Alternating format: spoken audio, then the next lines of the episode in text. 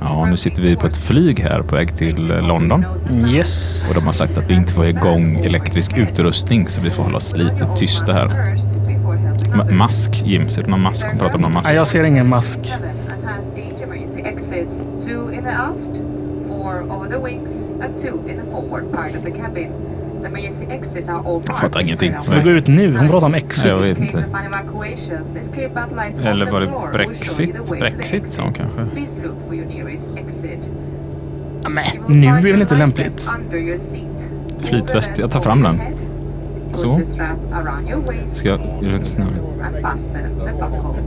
Ska, ska jag dra i det här snöret nu, Jim? Nej. Nej, nej, nej, nej, inte, inte dra i snöret. Nu ska jag dra. The fuck are we doing out here? I ask you, what in the fuck are we doing here? So what's the big fucking deal? What the fuck are we doing out here? I ask you, what in the fuck are we doing here? Och då är vi äntligen tillbaka från vårt säsongsuppehåll. Ja. Och idag ska vi göra något så spännande som att lyssna på bland annat Pierre-Emerick Aubameyang.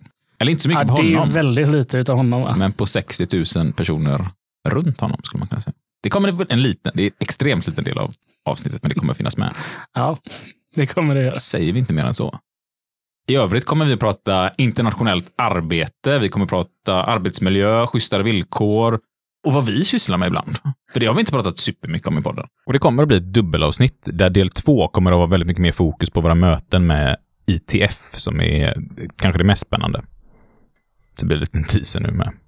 Dessutom så kommer vi prata om den här föreningen som både du och jag är med i då. Bilarbetarnas riksförenings branschforum som det fulla namnet är. Precis, för vi var ju i London och det här är 2019 så det blir lite så här. Det, det var ljudeffekt för att spela tillbaka bandet. Det har fortfarande inte varit tillräckligt med Swish för att köpa in en sån här stor ljudeffektsanläggning här. Men eh, ja. Skitkul att ni är tillbaka som lyssnar också. Och jättekul att eh, ni har fortsatt lyssna under hela sommaren och hela säsongsuppehållet som har varit här. Ja, det har varit många som lyssnat och det är jättekul. Sista fyra veckorna så har det varit lika många som har lyssnat som det brukade vara när vi släppte avsnitt. Och det är fantastiskt roligt. Så att det är mycket, mycket nya lyssnare. Så till er vill vi säga välkomna. Ja, varmt välkomna. Sen så har ni säkert lyssnat på 48 avsnitt nu när ni kommer till det här välkomna. Så då är ni inte längre nya lyssnare. Så känner er välkomna gamla lyssnare också. Får vi säga då. Vad har du haft för dig under det här uppehållet? Nej, men det har varit eh, väldigt mycket, extremt mycket eh, fackligt arbete just nu. Alltså det är grejer varje dag. Det är förhandlingar och arbet, arbetsmiljö och så här, så hela tiden. Vad har du haft för dig? Nej, men jag har ju fått ett barn till, så att jag har faktiskt varit föräldraledig sen ungefär sen vi spelade in senaste avsnittet faktiskt. Sen har jag jobbat lite granna sådär smådagar och stöttat upp lite och hållit en utbildning håller jag på att hålla just nu faktiskt, en tre veckors utbildning. Eh, så då smet jag iväg och höll den. Det är svårt att hålla sig borta från det, det är så jäkla kul att träffa de nya förtroendevalda. Men så är det väl det. Du, men en rolig grej som du har gjort under semestern som jag tycker vi ändå ska lyfta. Vad Ni, du var med i en sån här liten politisk fotbollsmatch här i somras. Ja, men det var jag ju. Jag fick ju vara lagkapten för eh, SSU-laget som mötte eh, MUF här i Göteborg då. Moderaternas ungdomsförbund. Ja, precis. Hur gick matchen? Vi vann med 3-1 tror jag inte minns fel. 3-1. Och det var första gången vi vann matchen och den har vi kört några år här. Eh, Så det var ju kul. Ja, och förra gången så kändes det så, nu jäklar kommer vi vinna. Då var jag med gången innan. Mm. För då hade vi med en kommunalare som är god vän med dig, Ja, precis. eh, som har spelat i damallsvenskan. Ja, hon är väldigt duktig på fotboll. Ja, men hennes knä gick ju käpprätt åt helvete direkt. Ja, det gick, var en väldigt allvarlig olycka. och då körde du henne till sjukhuset, så då försvann våra två Ja. bästa spelare med en gång där. Det, det blev lite manfall helt enkelt. Ja, men nu, nu var det som det skulle. Men nu har, vi, nu har vi vunnit tillbaka bucklan. Eller tillbaka, men vi har vunnit den nu i alla fall. Det är Fantastiskt. som vandringspokal. Roligt att höra. Ja, det är kul. Ja. Och du spelade mittback också den här. Eh, Ja, men jag körde mittback. Det funkar bra för mig. Vi hörde från säkra källor att det var väldigt stora likheter med Olof Mellberg faktiskt. Har vi fått höra. Och du hörde från säkra källor. Ja, och då kan jag tänka mig att det både är skägget och eh, spelet på planen. Ja, jag tänker hävda att skägget är likt i alla fall. Fantastiskt. Fantastiskt. Men det är värt en liten eh, artificiell applåd som jag hoppas att vi kan hitta på nätet och klippa in nu. Nej, det gjorde vi inte där. Tråkigt är det. Eh, ja. Dagens avsnitt, tillbaka till det då. Eh, vi ska helt enkelt spola tillbaka bandet till när vi åkte till London 2019. 2019. Och vi har ju nämnt någon gång i podden här, och det, var faktiskt, det här är faktiskt första avsnittet vi egentligen spelade in. Ja, det här är ju innan vi började släppa några avsnitt. Fyra år tänkte vi, eller fem år tänkte vi, nu får vi fan börja spela in en podd. Och så är man ju, det är ju fullt upp hela tiden. Men så var det väl Jim framförallt som var ganska pådrivande och sa att nu ska vi åka till London, vi ska träffa massa fackliga, nu får vi fan se till att ha med oss lite mickar och grejer så vi kan spela in lite. Ja, Så här fick vi, det här var startskottet för podden kan man väl ändå säga. ja det är det ju faktiskt. Så idag kommer ni få lite sån här övergripande information om alltså, vad är det för frågor man ibland jobbar med, eh, alltså stort över världen. Eh, arbetsmiljö, ni kommer få lite allt möjligt. Vi har varit besökt svenska ambassaden i London, vi var i Coventry, vi, eh, ja men lite allt möjligt. Och så ska vi hoppa tillbaka till den här historien som vi, vi lovade i något avsnitt att vi skulle tala om. Eh, vi hade bild på organisatorisk och social arbetsmiljö. Där jag var lite panikslagen. Ett foto på omslaget. Ja, just det. Ja. Så nämnde vi det, så berättade du aldrig varför. Och så det kommit några så frågor in till podden. Hur fan får ni berätta? Idag kommer det. Minsann. Är typ Håller vi på den ett tag, ja. två är det som har frågat tror jag. Så här. Ehm, ja, men det är så, ja, vad startar vi dagens avsnitt? Jo, det ska vi göra på en av Europas mest förnämsta, finaste platser som finns. Nämligen I Göteborg. Göteborg. Häng med. Därefter kommer vi in i verksamhetsplaneringen. Där kommer jag till dela ut varsin eh, papperskopia plus köra det på storbilder framme redogör hur vi har resonerat i styrelsen. Eh, vi har igår eh, haft lite vånda för att vi har kommit fram till att vi behöver justera vårt eget förslag från styrelsen. Eh, så att Stefan kommer till lyfta det under verksamhetsplaneringen. Och sen kommer vi prata lite grann om årsmötet 2020 och sen är det då övriga frågor. Är det någon nu som har kommit på någon fråga som man vill lyfta och sådär, få mer information om? Det är kanske så att vi inte kan svara på den direkt men vi kanske kan ta reda på det till eh, Vi trodde i styrelsen att det här tar nog en halvtimme idag eller åtta timmar idag. Eh, där någonstans låg vi mellan. Bussen gick inte med fyra. Nej, den går från fyra. 5.20 gick den imorgon bitti. Bra. Då eh, förklarar mötet för öppnat och ställer frågan fri angående dagordningen. Med de förändringar och förslag som jag precis har gått igenom. Alltså hur, hur tänker vi framåt? Vår framtid? Alltså, vad händer med alla våra servicejobb, timmar att sälja de här sakerna? Okej, det är kanske våra arbetsgivare som ska tänka på de sakerna, men, men vi då? Likadant när det gäller, och jag brukar använda faktiskt Göteborg som det goda exemplet när det gäller eh, elevutbildningar. De har ju eh, bilbyggardagar i Göteborg som är helt fantastiska. Så hör av er till sektionen i Göteborg så kan de säkert guida er och hjälpa er med kloka idéer. Eh, när jag får folk på utbildningar och får folk på andra träffar så pratar man just om det goda exemplet i Göteborg. Ja, men så, så där lät det när vi träffades på det här då årsmötet, eller höst, vad var det för någonting? Höstmöte var det för eh, Bilarbetarnas riksförenings branschforum då. Och sen åkte vi då 22 personer tror jag det var. 22 personer, ja. Precis. Till, eh, ja, vi åkte buss till eh, Landvetter.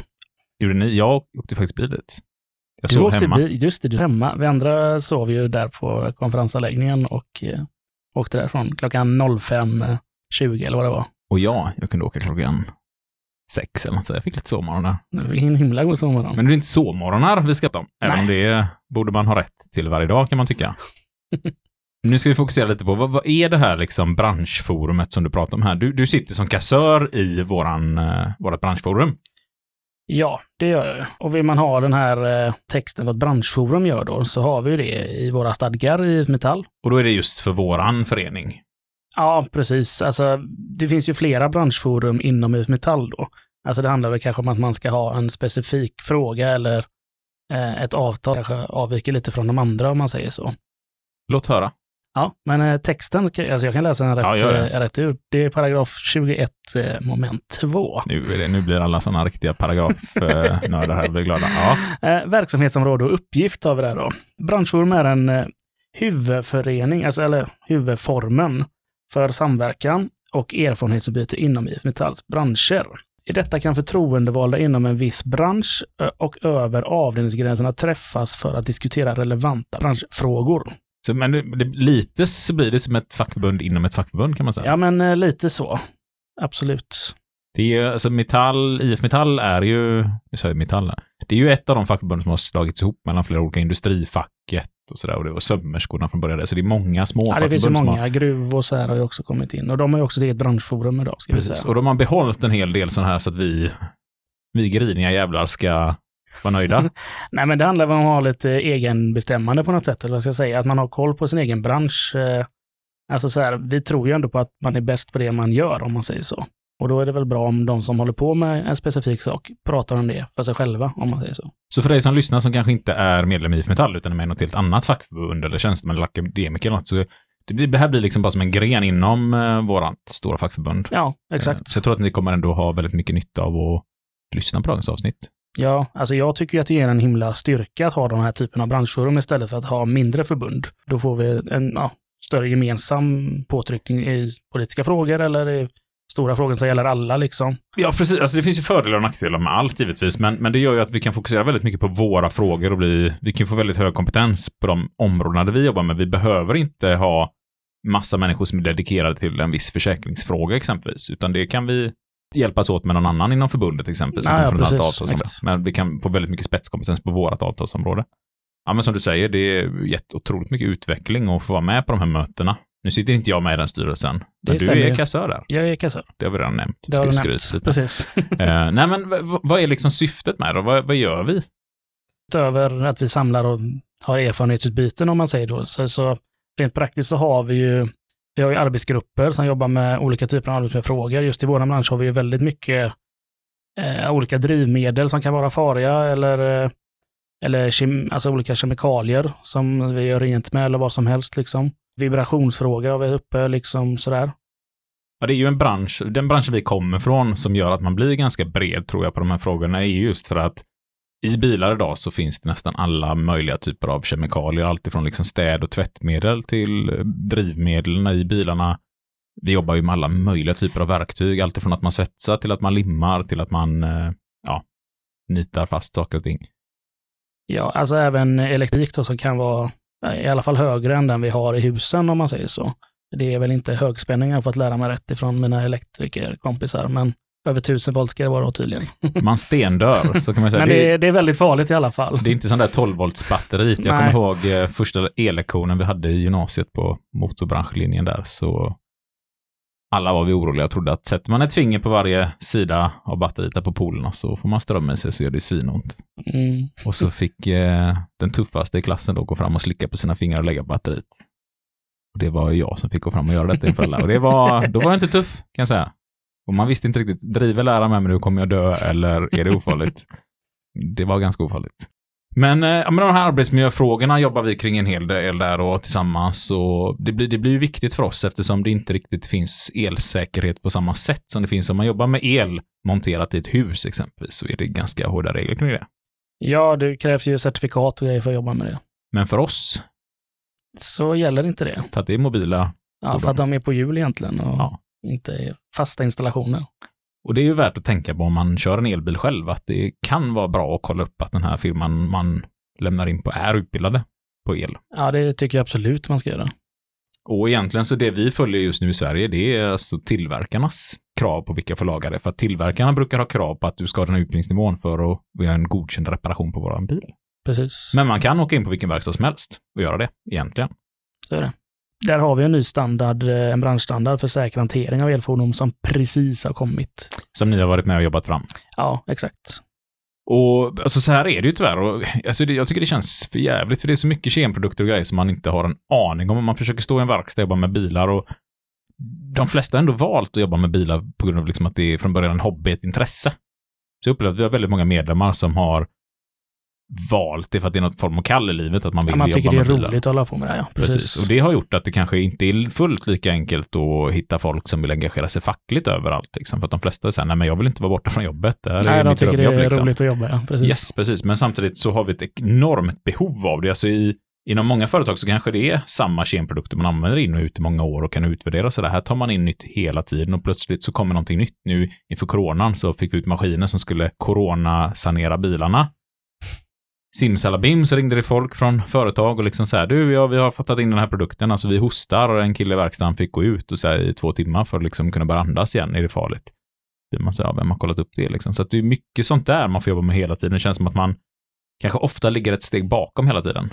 Eh, Vi behöver verkligen fler skyddsombud och fler som jobbar med de här frågorna inom vår bransch, för att det är väldigt mycket vilda västern med produkter och det är väldigt mycket Jobbar du i en bilverkstad där man tar in flera olika märken så kan det vara jäkligt svårt när du ska byta en ruta exempelvis och veta vad är det i limmet som kommer hit nu. Jag fick ett eh, MMS häromdagen från en gammal kollega som har bytt verkstad nu. De frågade mig, Isak, får jag använda den här produkten? Stor limtub, allt står på koreanska. Finns inte ett engelskt ord, finns inte ett svenskt ord på hela förpackningen va? Ja, den är svår då. Ja, så Ja, den- givetvis får du göra det. Det finns ju inget farligt i den uppenbarligen, Det svarade står ju ingenting som vi kan se är farligt. Precis, va? så det, det här är ju extremt stora frågor som jag vet att vi lägger mycket fokus på. Men om vi liksom försöker bortse från just nu arbetsmiljögrejerna, vad är det vad är det då som vi jobbar med i vårt branschforum? Alltså, så här, det som knyter oss samman egentligen är att vi går på samma avtalsområde. Eh, väldigt tydligt. Eh, så det är ju väldigt mycket avtalsfrågor såklart. Det, det är ju den största egentligen. Ja, och det är enormt viktigt för vi har ju en konkurrens verkstäder emellan. Jag tror vi pratade om det här i något avsnitt där vi försökte förklara den här modellen med tre pizzerior eller tre bilverkstäder, hur det liksom blir när ja, men något ställe ökar arbetstiderna, sänker priserna, så då skapar man en konkurrens som handlar om att konkurrera på dåliga villkor istället för att Ja. konkurrera på kvaliteten. Precis. Då blir ju detta ett enormt viktigt forum för oss att träffas. För att ni är, var- varifrån kommer ni som sitter i styrelsen exempelvis? Ja, men det är ju väldigt, väldigt blandat. Alltså, vi har ju från hela Sverige folk. Liksom. Eh, Jag tror, kan Umeå vara högst upp? Vi har någon som sitter i styrelsen då i alla fall. Eh, Umeå, Sundsvall, Stockholm, Malmö, Göteborg. Ja, östra. Det hörde ni här i början, det var lite olika dialekter. Fast vi var i Göteborg så hörde ni att det var ingen som pratade Nej, precis. Nej, men vi är ju en riksförening och det, då ska vi vara rikstäckande helt enkelt. Vad kan det vara för avtalsfrågor som vi tycker är viktiga? Nej, men de senaste avtalsrörelserna har det varit mycket med företagshälsovård. Alltså vi har ju behovet av det och så här kontroller, att se så att vi är friska och håller oss hela liksom. För vi har, det är ju inte speciellt många som tar sig till pensionsålder i vårt avtalsområde. Eh, så där har ju DP, alltså delpensionen, varit en väldigt viktig del också, att kunna ja, trappa av när man fyller 60 då, för att eh, gå ner i tid, för att orka hela vägen fram. Och därav blir också de medicinska kontrollerna och företagshälsovården en viktig del i de Ja, precis. här frågorna också. Så man upptäcker det i god tid liksom. Och det är ju så, för att det, det är många som ger sig ut och jobbar och som vi sa innan, man får i sig alla de här kemikalierna. Det är helt jävla omöjligt att hålla koll på vad som är farligt, för det är så mycket och det är inte hanterbart för en individ att stå med detta. Liksom. Så att när man säger det, jag kan företräda mig själv på arbetsplatsen, Mm, försök ha koll på Ja. alla kem. Alltså omöjligt. Och våra, uppenbarligen har ju inte våra företag det heller, de stora Nej, det är företagen. Liksom, utan det är till och med jättesvårt för dem. Och ibland får man kontakta myndigheter och myndigheterna har inte ens riktigt svar för att det går väldigt fort fram i den här branschen. Mycket nanoteknik också. Enormt mycket. Sen tror jag att ni lyssnare, jag tror att vi har mycket frågor som är samma som alla. Det är klart att vi vill alla ha mer lön och vi har ordning och reda i lönesystem. Och, Precis, och eh, bra arbetstider och kul att gå till jobbet liksom. Det, det är viktigt någonstans och här blir även jämställdheten en stor fråga också som man jobbar med i Riksföreningen vet jag. Ja, där har vi, det är kanske inte en avtalsfråga direkt, men eh, det är ju någonting vi jobbar eh, utifrån. Alltså vi jobbar ju med det lokalt mycket mer såklart. Eh, men de som är medlemmar, och, för det är avdelningarna som är medlemmar egentligen, och så medlemmarna som tillhör avdelningarna då. Så ute på arbetsplatserna, men vi ska trycka på ifrån Riksföreningen då, att vi måste jobba med det här ute så att vi ligger på företag att vi behöver anställa tjejer, vi behöver få in mer kvinnor i branschen. Och framförallt när vi väl får in dem, ta hand om dem och Ja, är skapa bra förutsättningar. Jag tänker på en sån här sak som att jobba inom vår bransch och bli gravid. Alltså Ja, det ja, är precis. typ Ja, men kört. med alla de kemikalierna som vi pratade om precis, alltså det, det är ju jättefarligt. Och vi har ju sagt, och vi har med i planen, i vår sån här avsnittsplan som ligger framåt över, så har vi tänkt att ha ett avsnitt om gravid och ammande också. Mm. Och då eh, kommer vi liksom utgå lite ifrån vårt avtal faktiskt, för att där utsätts man för nästan varenda liten punkt. Så det är väldigt svårt att hitta omplaceringar under tiden. Och det är en sån sak, hur kul är det att börja i en bransch om man har tänkt skaffa kanske två eller tre barn under sitt yrkesliv och så börjar en bransch där man vet att men jag kommer bli hemskickad under nio månader och under hela tiden jag ska amma eh, i tre perioder liksom. Det kommer att skada löneutveckling, kompetensutveckling och allting och där behöver vi tillsammans ta ansvar. Och det är mycket man får ligga på arbetsgivarna. Och det är både små och stora arbetsgivare kan man väl säga som inte har någon direkt plan för detta. Så det hamnar liksom återigen knät på oss som arbetar. Mm. Klimatet, behöver vi gå in på det? Alltså det är inte heller någonting vi direkt eh, jobbar med i Riksföreningen så att säga, utan det, det är också ute på arbetsplatsen. Men för det är ju våra företag som till stor del säljer transporterna i alla fall som, eh, som vi tar oss runt med i hela Sverige.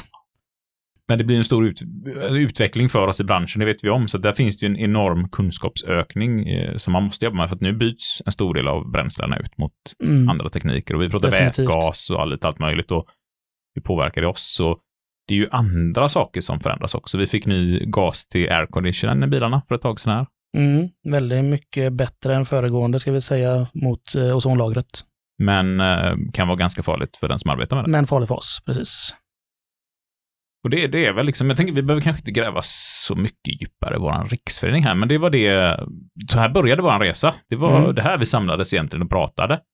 Och tillsammans så ska vi åka på en studieresa till England. Men innan vi åkte till England så kom ju hållbar motorbransch förbi också. Just det. För det kan man väl säga är en del av det här arbetet. De nämnde vi när vi träffade Bengan från eh, LO. Från LO Västsverige. Då pratar vi lite sådana EU-projekt som eh, finns. Och vi kan väl klippa in eh, Kostas och Anke lite så här nu, så kan vi bara snabbt höra hur, hur de låter. Hur de låter. Ja, det är väl trevligt. Ja, men vad de pratar om så det är framförallt, inte tänker bara jag. vi som sitter här och pratar. Ja, nej, men det är väl jättebra. Ni kanske känner igen mig åtminstone. Men jag heter i alla fall Kostas. Är anställd på Bilia sedan 1998. Men är tjänstledig i dagens läge för att driva det här EU-projektet tillsammans med två andra projektledare. Med mig här idag Eh, Anki Ramqvist heter jag. Jag har jobbat tidigare som RSO bland annat. Varit mycket ute på bland annat bilbranschen och andra företag som vi har i Stockholms län. Jobbat tidigare med ett annat projekt som heter Hållbart arbete. Jag vet inte om någon känner igen det? Jo. Ja. Vi hade ju förut ett projekt som heter Hållbart arbete och sen så tänkte vi att vi skulle söka ett projekt till då. Och då samlade vi ombudsmännen i Metall Stockholms län och frågade var någonstans finns det störst utmaningar? Och då var det någon, några som pekar just på motorbranschen för att tekniska utvecklingen går snabbt framåt, man behöver jobba med arbetsmiljö, arbetsorganisation och så vidare. Och vi ansökte om och fick beviljat 48 miljoner. Våra mål är att jobba med en förbättrad arbetsorganisation. Alltså hur man leder och fördelar arbetet på ett smart sätt utan att stressa. Eh, en bättre fungerande arbetsmiljö och där kommer det in det här med, med ergonomi som vi kommer in på lite mer sen också. Och rena arbetsmiljöutbildningar också. Och det här med att ständig kompetensutveckling för alla anställda ska finnas på företagets agenda tycker vi också är jätteviktigt. Och där får man kämpa sig och då är det med eh, fordonssvenska, inte ja, fordon slash vardagssvenska. Eh, huvudsaken är att de ska kunna göra sig förstådda och kunna skriva lite så att de ska kunna komma in i arbetslivet. I förra projektet som Anke var med jag var inte med, där valde din bil att fortsätta med språk och det resulterade till att grabbarna och tjejerna som jobbade där, de kunde läsa en tidning till slut, de kunde göra sig förstådda och kunna vara ute i ja, näringslivet om man säger så. Så det, det är väldigt, väldigt viktigt. Har vi yrkesutbildningar. Yrkesutbildningar, där menar vi ja, det som man med yrket att göra. Just nu väldigt, väldigt populärt. AS-utbildningar. Kategori 5 med certifikat. En fem veckors utbildning. Nej, Eh, fem dagar. Fem, förlåt. Fem dagars utbildning som är väldigt, väldigt krävande. Eh, vi har ungefär skickat... Eh, vi hade ett mål ungefär på 50 stycken när vi gjorde upphandlingen. Så sa vi så här, det kan bli ungefär 45, det kan bli 52 också. Men plötsligt, nu är vi uppe på 67 stycken som ska ha en, en. Eh, 47 stycken har utbildats. Eh, fem stycken har pluggat. Det innebär att den är väldigt, väldigt svår men väldigt, väldigt effektiv. För det, den tar bort eh, sårbarheten under sommaren när ingen kan jobba AC. Så att har man två stycken som har kategori 5 så hjälper det till också att en kan ta av semester och en kan fortsätta jobba. Men ska vi lite kortfattat ändå så här, hållbar motorbransch. Det är alltså ett projekt som finansieras genom Europeiska socialfonden. Och det här man lite pratar om, ah, vad tjänar man på att vara med i EU, vad tappar man på att vara med på EU? Det här är ju en sån här sak man kan faktiskt arbeta med. Där man vill höja nivån, alltså kompetensnivån inom hela EU, inom branscher som behöver det kan vi väl Ja, och det viktiga för att få tillbaka de här pengarna som vi betalar till EU, det är ju att man faktiskt söker om pengar, alltså ansöker om pengar. Gör vi inte det så är det svårt att få tillbaka så mycket. Men vi har väldigt mycket möjligheter till det och jag vet att ja, Bengt, han pratar om att det är alldeles för få som söker från Sverige. Och i det här fallet så är det ju faktiskt IF Metall Stockholms län som är projektägare då. och har hand om projektet och vänder sig till företag i motorbranschen. Eh, ja, men det var en hel del av ombuden på höstmötet som arbetar på just de företagen som är med i projektet och de pratar ju väldigt, väldigt, väldigt gott om det. För syftet med det här är då att man ska skapa en så hållbar motorbransch som möjligt med kompetensutveckling och förbättrade arbetsorganisationer. Och man kan gå in på hemsidan hållbarmotorbransch.se så kan man läsa lite mer om det man tycker det är eh, jättespännande. Än så länge så är de uppe i 2725 utbildningsinsatser inom vår bransch. Och det är liksom allt ifrån IT, språk, ledarutbildningar, det är yrkesutbildningar, eh, HR-utbildningar, arbetsmiljö, ergonomiutbildningar. Alltså, för att det ska bli ordning och reda i branschen. Så att för de som jobbar i branschen här i de här företagen så har det varit väldigt, väldigt, väldigt, väldigt bra. Så vi hoppas väl på att få se ännu mer av sådana här projekt runt Ja, den här är väl avslutad nu om inte jag misstar mig. Men eh, vi får se om det blir några fler sådana här. Ja, det finns en slutrapport faktiskt och det är 30 september så det är inte jättelänge sedan som den blev eh, upplagd. Men det, jag tycker det är spännande då att det händer grejer och här ser man det här med den svenska modellen att vi som arbetar verkligen tar ansvar för allt. Vi tar ansvar för att det ska vara okej företag, vi tar ansvar för våra villkor och för att branschen ska liksom utvecklas och bli bättre. Och för att vi som land ska öka på kompetensen och stå starka ekonomiskt. Definitivt. Nu tänkte jag vi ska sätta oss på det här flyget igen. Vi- Du menar att vi ska åka till, eh, till London nu? Ja, och det var i början av avsnittet, det var en autentisk inspelning. Men vi la på ljud Nej, lite på oss själva så efteråt, att i va? studion här faktiskt. Det gjorde vi, om jag ska göra det. Men jag tänkte så här, innan vi reser iväg nu, jag skulle vilja att vi går in och tittar på det här. Flygplansgrejer. Mhm. Det kan ju vara lite så halvläskigt att flyga, tycker jag personligen. Jag får lock, så jag är obekväm av att flyga. Det gjorde med, vet du vad jag gjorde? Jag fick lock alltid när jag flög förut. Eh, och jag fick ju tyvärr flyga lite för ofta känner jag så här ur klimathänsyn. Men då gick jag in på apoteket, så där privat apotek. Och så köpte jag såna här eh, hörselproppar med tryckutjämning i. Innan jag köpte dem så frågade hon i kassan, eh, jag måste bara fråga, funkar de här liksom? Vad är det för något? frågade hon. Ja, det är sådana här tryckutjämnande hör, hörselpluggar, sa jag liksom. Som man ska när man flyger. Jaha. Ja, de funkar. Jag kände så här, okej. Det kändes tveksamt, Jag köper dem då, men jag behåller gärna kvittot här faktiskt, ifall jag vill lämna tillbaka. Eh, Men det funkade faktiskt. Enda som är jobbigt är när man flyger med någon, vilket jag alltid gjorde. Så vill de prata med en. Mm, Så hör man inte va? vad de säger, så Nej. måste man plocka ut dem och så får man ändå lock för. Och det kunde sitta i fan en vecka för mig, de här locken. Det är, så jag, jag är med dig där. Eh, Men annars kan det ju hända lite så här konstiga grejer när man flyger. Ja, Jag reagerar på det ibland, hur jävla tomma planen är. Och det känns ju helt hjärndött. Men det har hänt med att jag åkt upp till Stockholm från Göteborg och eh, suttit, alltså vi har varit fem personer på ett helt flygplan. Och då känner man verkligen att det inte är en klimatsmart lösning på resa. Det har inte jag haft alternativet att ta andra resvägar heller, men det har man känt. Och, och då har det faktiskt hänt att de eh, har kommit fram till oss, för då har alla gått på planet och så har man satt sig på första lediga stolen, liksom sådär. Fast en på varje rad mm, Då, liksom, för det är ändå lite svenskt och man sätter sig inte bredvid någon. Så, självklart. Ja, det gör man inte. Och så kommer ju då en av personalen på flygplanet fram till oss och så här, ursäkta, eh, vi skulle behöva två personer hoppa lite längre bak i planet. För att jämna ut vikten. och då liksom först tittar man ju på sin egen mage så jag tänker så här, är det, var det en pik eller? Och sen tänker jag så här, hur känsliga är de här planen? Vi sitter typ fem personer plus kabinpersonalen på ett flygplan och så behöver två av oss sätta sig längre bak. Och väga ett flygplan. Liksom. Då blir jag lite orolig. Så här, är, det här, är det här safe? Eh, Och vår gamla klubbordförande som är på Grafiker och skogsförbundet nu, Tommy Strandell, han berättade också, för han är lite flygrädd sådär, eh, eller ganska ordentligt, om jag har förstått det hela rätt. Så en av första uppdragen han skulle upp till Stockholm med det fackliga då, på våran klubb, eh, så satte han sig på planet och så lyfte planet, kör iväg. Och så blir det så här, du-du, piloten liksom, ja, vi har ett fel på planet, så vi behöver vända tillbaka till Göteborg. Så här, vi kommer gå ner för landning strax, så ni kan spänna fast er igen.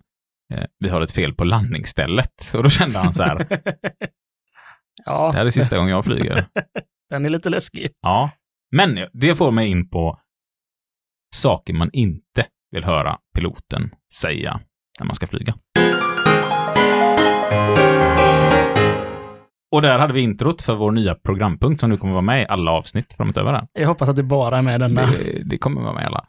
Saker du inte vill höra piloten säga. Ja. Här kommer första. Innan vi landar så skulle jag vilja ta tillfälle i akt och säga adjö till alla. Ja, det, det, det låter lite läskigt. Det gör det. Här kommer nummer två. Här ska det inte vara hav. Ja, okej. Här kommer nummer tre. Hej allihopa på den här flygningen till Spanien. Jag är er pilot. Mitt namn är Sebastian Borssén. Och när jag ändå har er på tråden,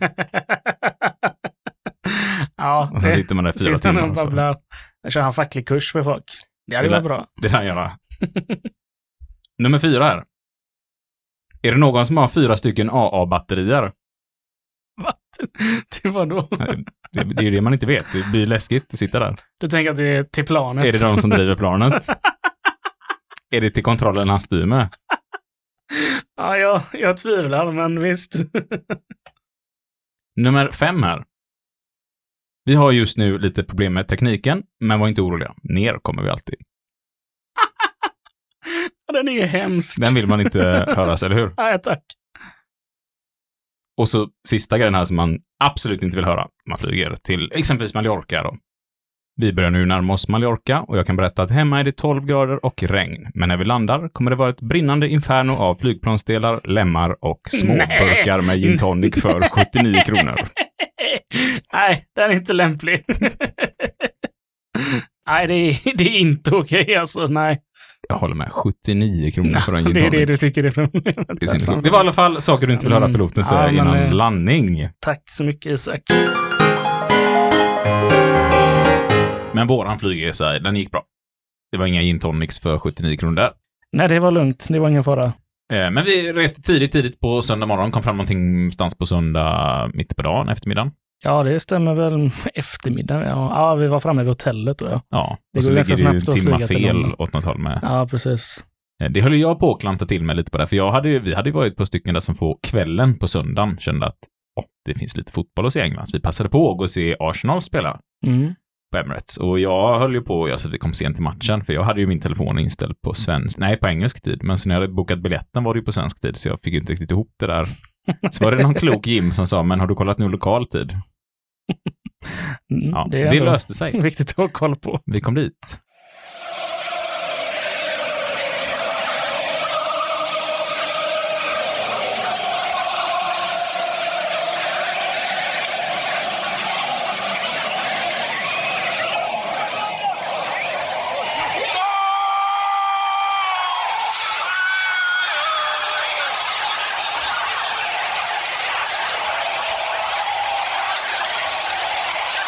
Det var ett ganska så fullsatt Emirates och Per-Emerick Aubameyang som gjorde mål. Och det var den biten vi hade om fotbollen i England va? Ja, till alla er lyssnare som precis kommit över till den här podden från When We Were Kings. Ja, precis. Välkommen till er. Um, säkert hashtaggat massa sånt så att ni har lurats in på den här eh, podden. Ehm, kul för er, för då får ni lära er någonting om arbetsmiljö och arbetsrätt grejer. Och när vi ändå är inne, så sista saken om fotboll. Jag har ju mejlväxlat lite med en eh, av spelarna från eh, bronslaget 94 i fotbolls-VM, som vi kommer att ha med i podden här. Några avsnitt fram. Säger vi inte mer om det. Det lämnar vi som en cliffhanger. Så släpper vi fotbollen helt. Och tillbaka in på vårt riktigt sjaskiga hotellrum. För det var inte städat på länge, kändes det som. Nej, det var lite tråkigt där Ja. faktiskt. Eh, Men så kan det vara ibland. Det var, det var ju inte prio på levernet där nere, Eh, utan nej, var... energin lades ju på, på besöken vi skulle till såklart. Och vi kan väl börja då liksom hoppa in på första besöket vi gjorde och det var faktiskt någonting som jag innan tänkte så här, vad, vad ska vi göra där? Men det, det var ganska intressant ändå. Vi åkte och besökte den svenska ambassaden i London. Ja, vi möttes ju av en kvinna där som hette Cecilia Bark som var ansvarig för ekonomiska och frågor och handelspolitik helt enkelt. Ja, och så fick vi egentligen en, en redig genomgång kan man väl säga om vad man gör på en ambassad och det ska jag vara helt ärlig med, jag hade ingen aning mer än pass. Nej, shit vad man lärde sig mycket om det alltså. Och det var väl något om det att eh, ambassaden i London är Sveriges näst största utfärdare av pass. Ja, de var. Ja, största utanför Sveriges gränser i alla fall. Så var det.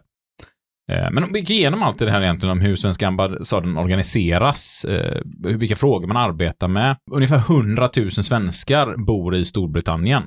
Och kommande tre månader då eh, var fullbokade för passärenden. Så att, ja, ganska stor myndighet när det kommer till det.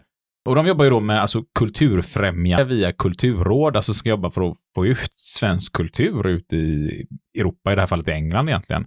Jag jobbar även med en politisk enhet som ska bevaka allt. Man kan väl säga att det är nästan som lite sån spioneriverksamhet, fast det är ju inte spioneri för att man Ja, vet ju att de är där. Ja. Eh, Men det ska liksom vara Sveriges förlängda hand i och vara insatt i politiken och vad som händer så att svenska politiker ska, ska ha en aning om vad diskuterar man, hur diskuterar man, vad tycker folket, vad tycker det här? Så att det är en väldigt viktig arm för eh, ja, den regering som sitter i vårt land.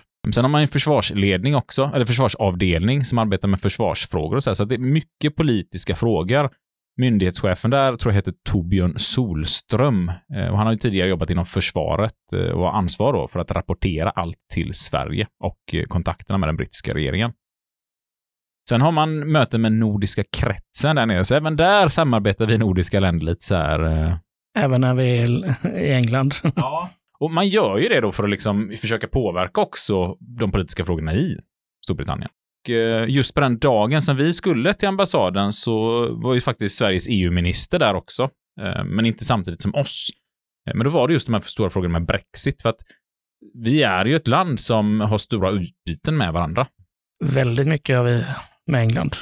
Jag sitter ju själv i en bolagsstyrelse där vi tittade på affärer utan att gå djupare på det med England och tittade på engelska bolag och sånt. Men på grund av Brexit så valde man sig att nej, det tittar vi inte på mer där. Så att det, det har påverkat och det, nu är detta 2019 som vi var där och det var ju innan Brexits, eh, vad ska vi säga, innan det skedde, trädde i kraft. Så det var ju väldigt mycket så frågetecken. Man visste inte riktigt vad kommer att hända. Så det kan vara lite kul att köra ett avsnitt lite längre fram där man reflekterar tillbaka till vad har faktiskt hänt nu.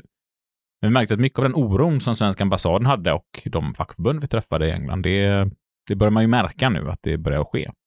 Långa diskussioner om Brexit egentligen och hur det bubblat upp och hur olika människor i England påverkas och ja, vad det finns för makter som drar åt olika håll där. Så det var intressant att få det på plats i England. Och det var ju stor ovisshet när vi var här, för att samtidigt som detta så var ju Boris Johnson uppe i eh, rättegång. Ja, det, det var ju faktiskt. Och vi visste ju inte hur det skulle sluta. Men dag två, mitt i mötet när vi satt med Internationella transportfederationen, så kom ju domen och det blev en fällande dom på Boris Johnson. Tillbaka på själva ambassaden då, så ja, men det blir diskussioner kring skillnaden i politiska lägren. Eh, där det är väldigt sällan i England, i politiken, där som man försöker nå konsensus, som vi väl är ganska kända för i Norden, att de politiska partierna försöker någonstans nå en konsensus ja men ni tycker så, ni tycker så, vart möts vi? Och så försöker man ändå hitta något, eller åtminstone förklara att ja, men det här är skälen till att vi vill göra så här, så man ändå ska få någon form av förståelse för det. Medan i Storbritannien så är det två läger. Man vill absolut inte kompromissa. Eh, och där har ju fordonsindustrin påverkats enormt i Storbritannien. Och En hel del av bolagen har ju valt att lämna Storbritannien på grund av den här eh, politiska oron som har varit. Och det är väl därför som många liksom också framhäver Sverige som ett av de bästa länderna att göra affärer i. För att det spelar liksom ingen roll vilken regering som sitter för industriföretagens villkor gentemot arbetsgivaren, för det är det vi förhandlar och reglerar i avtal, så att det blir liksom en mer stabilitet. Och en av de stora frågorna kring varför som Brexit dök upp, det är ju invandringen, att man har tyckt att liksom, ja, men det är för mycket invandrare, vi får sänka våra löner och sånt där. Problemet här är ju att det inte e är EU-invandringen som har varit så stor i England, utan det är ju att man har haft en fri arbetskraftsinvandring på yrken där det inte behövs folk. Lite som vi också haft problemet i Sverige med Ja, men det är klart, Lex Laval har ju påverkat oss med en EU-dom. Det är väldigt mycket där vi inte kan kräva kollektivavtal. Men det ser ju likadant ut här. Öppnar jag upp en restaurang så kan jag ta arbetskraftsinvandring trots att det finns massa människor som hade kunnat jobba där i Sverige. För att facket har inte längre något finger med i spelet mer än att vi får göra ett uttalande. Vi kan inte sätta stopp för det. Och tidigare politiskt, när vi hade mer mandat från det röda blocket, då var man ju med och tyckte till att nej, det ska inte kunna ske någon arbetskraftsinvandring om vi har folk som kan utföra det i landet. Men det har befolkningen haft väldigt lite koll på i England och det tror jag ser precis likadant ut i vårt land. Definitivt. Och jag tror både den här kunskapsklyftan som finns och även den ekonomiska klyftan, liksom, den ser man så tydligt i England. För att när vi åkte ifrån ambassaden sen så fick vi faktiskt åka på en sån här liten sightseeing eller stadstur. Och då, då fick man ju se både det fina och det fula i London. Ja, det är ju en väldigt splittrad stad på det sättet. Allt ifrån affärsdistriktet City of London, som har sin egen poliskår, en annan skattesats. Alltså, man kunde ju verkligen se hur det återspeglades på gatorna i London. kan liksom hitta hemlösa personer som sitter sovandes bredvid en lyxbil för 15 miljoner kronor. Ja, det, det är skillnad. Det får man ju säga. Och vi fick ju höra att ett pendelkort kan kosta runt 40 000 kronor per år. Ja, ja helt vansinnigt alltså. Alltså pendla in till jobbet i London. Och det är ju så det ser ut. Alltså ska, vi, ska vi dra ner på skatterna och inte ha något? Vi ska inte betala det tillsammans. Men det är väl de pengarna det kostat säkert här också. På glesbygden har det säkert kostat väldigt mycket mer än så. Mm. Eh, För att det är färre som åker det kollektiva. Ja, världens dyraste lägenhet såldes ju i samband med när jag var där lite tidigare för 250 miljoner pund. Och då kan man ju liksom börja fundera. Det är ju över 3000 miljoner svenska kronor för en lägenhet.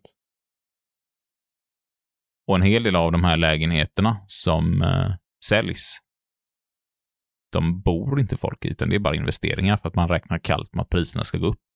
Va, tre miljarder är det, menar du? Ja, men Ja. Jag, jag har börjat säga i miljoner istället, för att jag upplever att folk, när man pratar budgetar, när man pratar skatter, Eh, när man pratar om att liksom de rikaste i Sverige, vi har ganska många eh, dollarmiljonärer som det heter. Dollarmiljardärer till och med har vi ganska många. Vi är bland de högsta i EU, sett till kapitat. Och när de säger så här, ja men han har en miljard, tycker vi, ja han är rik. Men när man liksom faktiskt talar om, ja men det är tusen miljoner kronor. Eller som Ingvar Kamprad som låg på 650 miljarder tror jag han hade, va? Ja, det kan säkert stämma, jag kommer inte ihåg det. Det man säga, visste men- om ja, liksom, innan han gick bort. Som är kl- klart att sen hade hans barn också. Då, då kan man börja liksom så här när folk säger, åh, tänk om man hade vunnit 60 miljoner. Men det är ju ingenting jämfört med det här. Du kan vinna 60 miljoner kronor varje dag i typ fyra års tid. Då börjar du komma upp på den nivån. Då börjar folk säga, oj, är det så mycket pengar? Ja. Jag tror inte de hade påverkat om skattesatsen är 50 eller 37 procent. Jag tror inte de bryr sig ärligt talat. Mer än att de kanske är jobbigt för dem på den här listan. Att det är lite det man tittar på ibland. Faller upp och ner på Oj, nu är jag plats 97 liksom. Ehm, Sådär va. Jag tycker det blev så tydligt i alla fall när vi var i London, just de här klyftorna, för vi ser dem inte riktigt på samma sätt i Sverige när vi går runt i våra storstäder. här. Nej, det är ändå skillnad. Det är, det är en mega skillnad faktiskt. Men något som inte var lika deppigt, det var ju mitt emot svenska ambassaden. Vad låg där? Ja, där låg det ju något eh, roligt, för där låg Schweiz ambassad. Helt otroligt. Eh, och då kom ju givetvis den här frågan från någon i gänget, eh, Stefan kanske, om man ofta blandar ihop Schweiz ambassad med Sweden då. Och det var så. Och det var ju väldigt praktiskt, han låg mitt emot varandra. Ja. Lät Det som att det var- alldeles för ofta också, så folk blandade Ja. ihop det. Bara skickar folk rätt över gatan hela tiden. Och det. Det fick mig att tänka på när jag var i Italien en sommar, så sp- spelade vi lite fotboll på den här gården där vi bodde. Alla gäster var inbjudna, liksom, så det var barn, vuxna, lite allt möjligt. Och så kommer det fram en kvinna med sina två barn, så här, för att hamna i samma lag. Så det var norsk familj och så var det um, den här schweiziska familjen och så, ja, i princip då eh, kom de fram så här, ah, where are you from? Så här, ja, ah, Sweden, säger jag liksom så här. Så börjar hon prata tyska då liksom. Och sen så här, ah, men vad bra, då pratar du ju tyska, då behöver inte jag prata engelska med dig. Och jag liksom säger nej, du tänker på Schweiz, liksom, säger jag. Eh, det här, alltså Sverige, vi pratar svenska i Sverige. Och då tittar de på mig så här, säger, men du svarar ju mig på tyska nu. Ja, Och så blir jag så här tyst. Ja, jo, jag pratar lite tyska. Ja, men då är det jag sa. Ja, men du blandar nog ihop det med Schweiz. Nej, jag är från Schweiz, säger hon då. Så blir jag så här, ja men vi pratar inte tyska i Sverige. Jo, alla jag har träffat från Sverige pratar tyska. Du med, liksom. Och då stod jag där. Ja, vem är dum nu? Eh, Dumbersvede, eh, tänkte jag då. Mig själva. Eh, Men det var tydligen lika vanligt på svenska ambassaden, man blandar ihop det. Nästa besök som vi gjorde, det var ju på International Transport Workers Federation, alltså världsfacket för transportarbetare, som man säga, transportbranschen, transportsektorn och därmed även lite mekaniker och allt möjligt. ja, det är väl väldigt vanligt i stora delar av världen att mekaniker ingår där. Allt inte uppdelat som i Sverige. Nej. Men där möttes vi av Rob Johnston som lät ungefär så här. My name is Rob Johnson. Just to give you a little bit about my background, I'm the Assistant General Secretary here at the ITF. Been here for three years. Prior to that, I was head of organising for Community Union, uh, one of the unions here in the UK. I was there for two years, and before that, I spent, I think it was 12 and a half years in the International Metal Workers Federation and Industrial, where I was executive director in charge of all of the industrial strategies for that global union federation. first ever job was a forklift truck driver in a manufacturing company in Swindon, uh, and I was the senior union convener there for 14 years prior to joining my union, which is now Unite. Och som hade ungefär en sån här relation till Stefan Löfven. One particular person in uh, in that relationship was, of course, your uh, was Stefan, who I know you know as as the leader of your country, but I know him as a fellow Tottenham fan. So that was the crown that we always get on that we support the the same football team. And actually, I think it was two two years ago. I was at the UN Sustainability Conference in, in New York, and um, you know, Stefan came in. We saw each other, and he came over, and we were both engaged in this conversation, surrounded by people trying to listen about what particular area of policy we were talking about, what the conversation was. And in actual fact, we were talking about Tottenham and where we thought they would finish that year. It's quite, it's quite amusing. People coming after saying, "Oh, what were you discussing? Were you just discussing the global New Deal, or you know, we're saying no, actually, we were deciding how good Harry Kane was compared with someone else." So it's quite quite amusing. Um, and we're very proud that, that you know he's the head of your country as, as well, um, having come through uh, the ranks as, as being part of your union, leader of your union, member of the executive uh, committee in industrial, and, in, and finally in his political position now.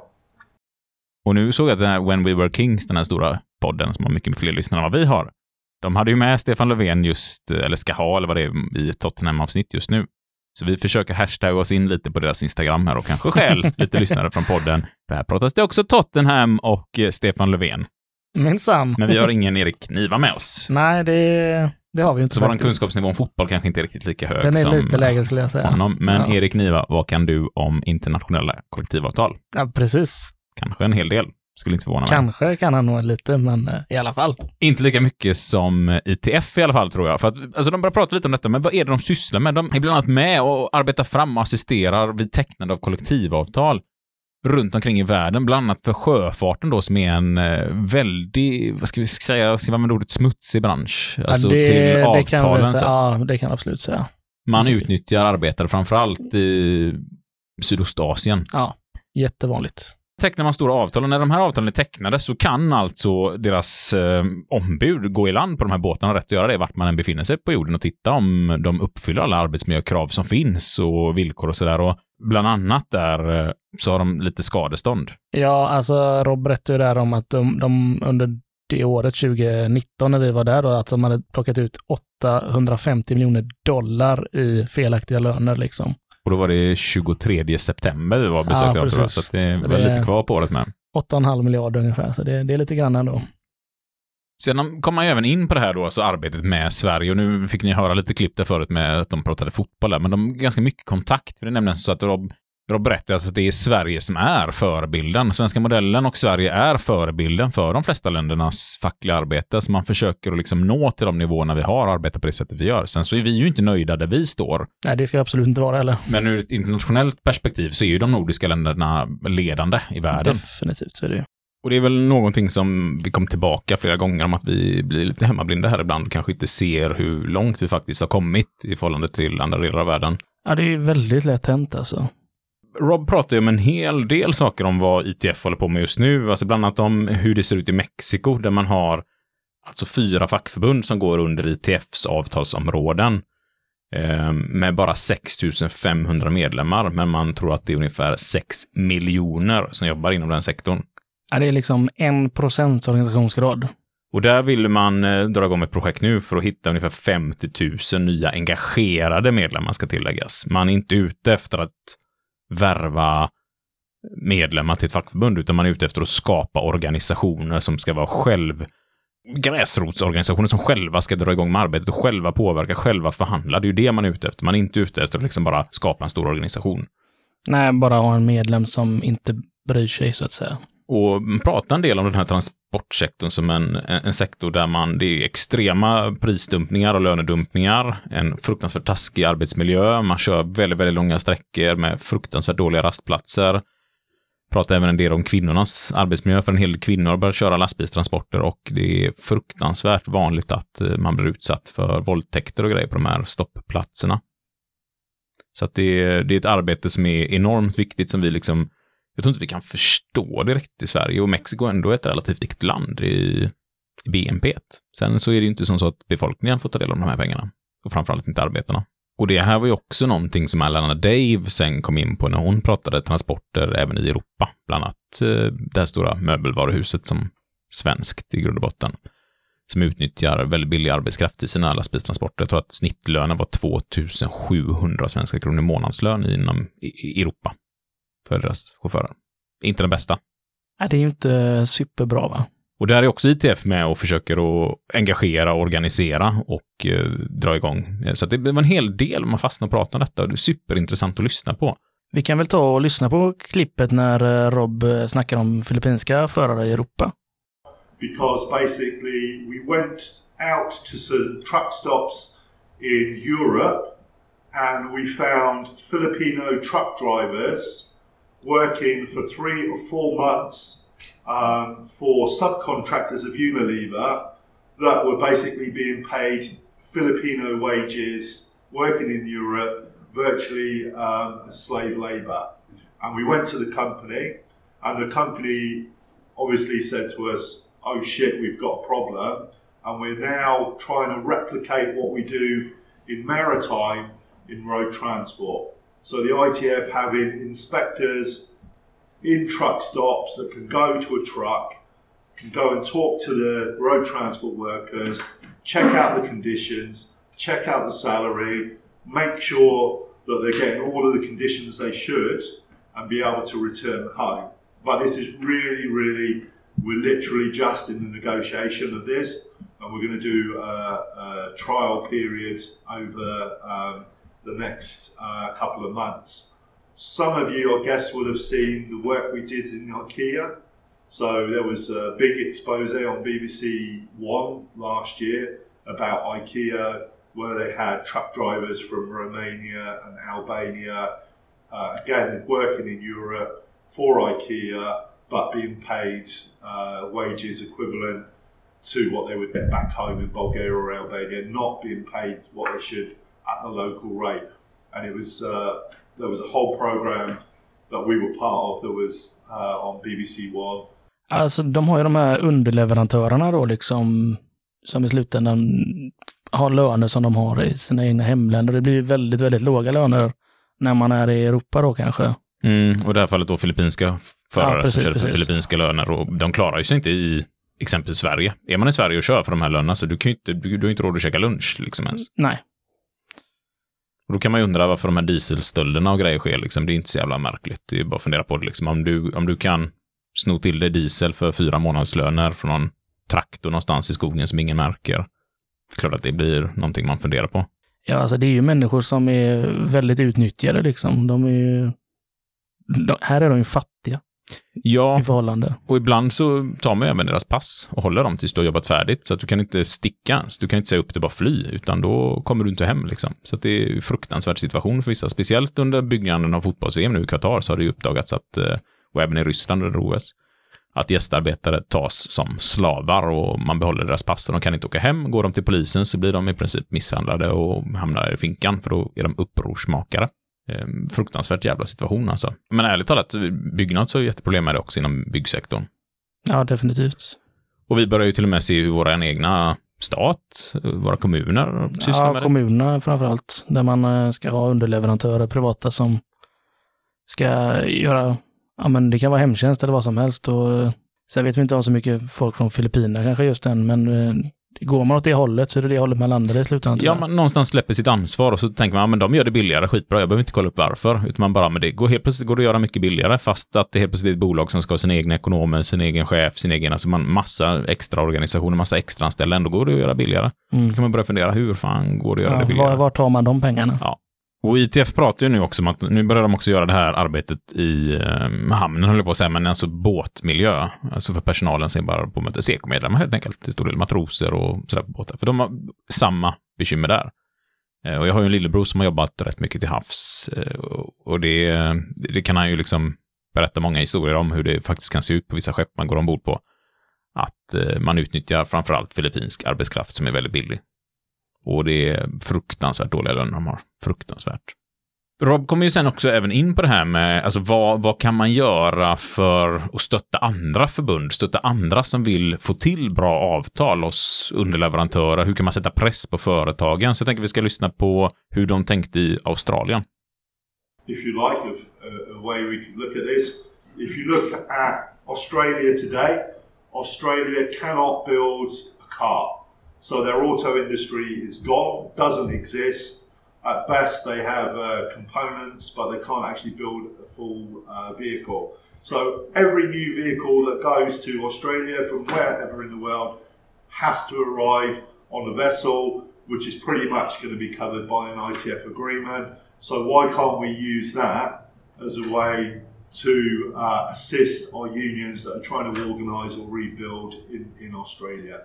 Ja, alltså ibland glömmer vi verkligen av vi arbetare hur, hur mycket makt vi har. Om vi bara tar tillvara på det vi kan och det vi vet och, och utbildar oss lite liksom.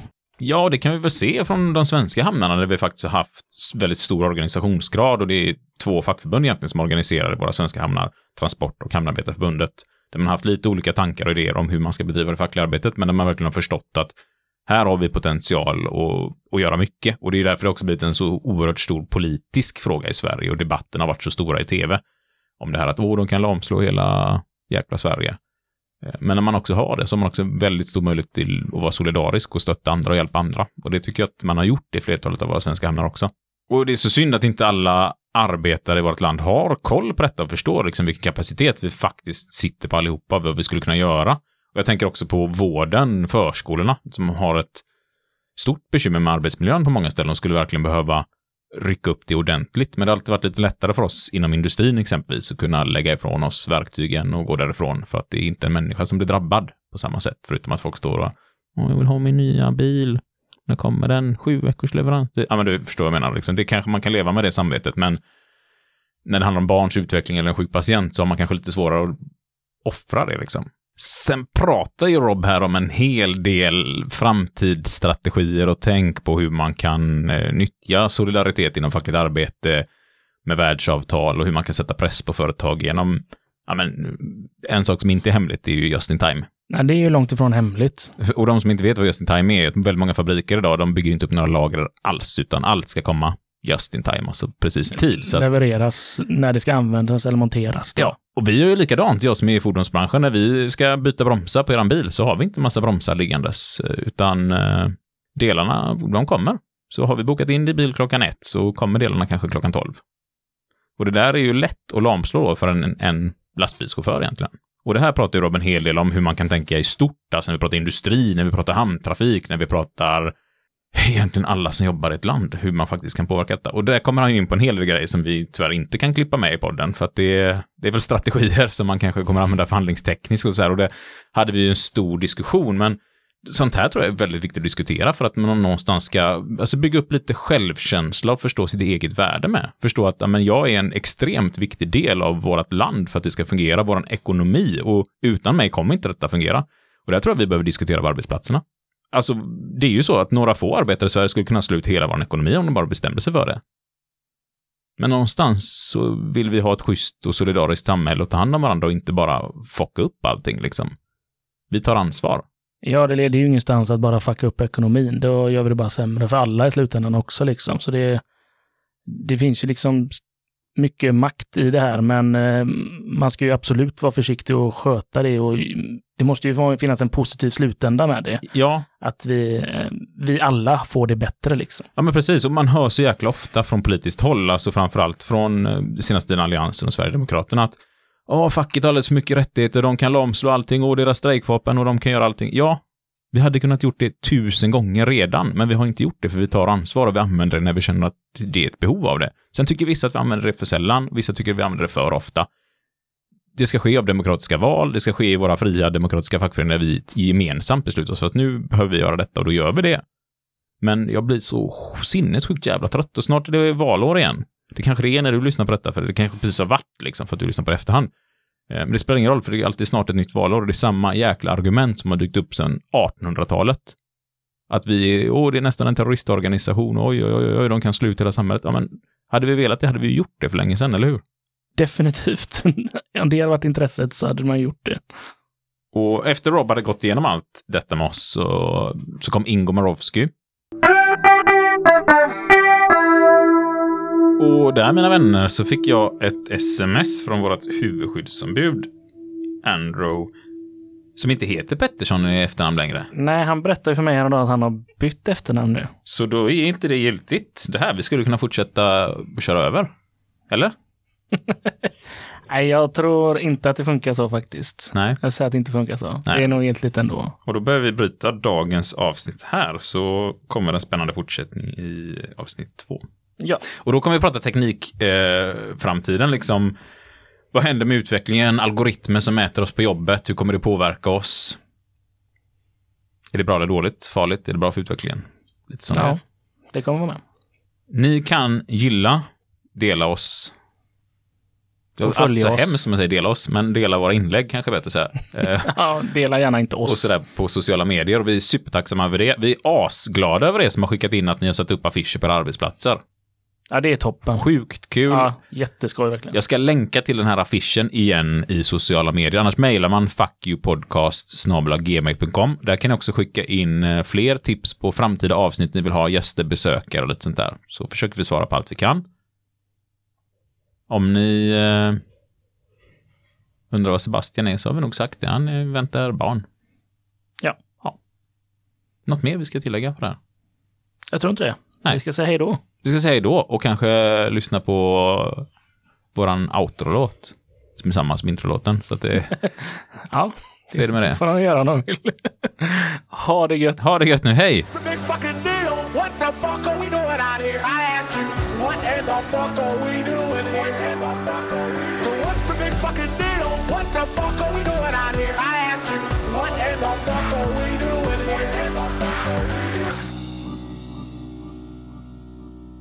Jag står nu här med Erik Niva. Du såg Jim Tellefsdal som lagkapten lyfta hela SSU-laget när de slog MUF här häromdagarna. Eh, han är inte direkt i sin ungdomsform, men vad säger du om hans prestation? Ja, det är ju återigen någonting som jag själv inte trodde var realistiskt. Eh, jag tycker väl att jag har någorlunda belägg för att forma mig en åsikt om vad som går att göra och vad som inte går att göra inom fotbollssporten. Och det här trodde jag inte skulle gå att göra. Tack så mycket Erik. Jag vänder mig också till dig, Jan Andersson. Efter Jims kanoninsats så har många pratat om att lyfta in Jim i landslaget tillsammans med Kulusevski och Alexander Isak. Såg du matchen och vad tycker du om att Jim nu ligger i hårdträning för detta? Nej, jag såg inte det. Han får göra precis som han vill. Det lägger jag mig inte i. Ja, en inte lika övertygad eh, Jan Andersson där, eh, Jim. Mm.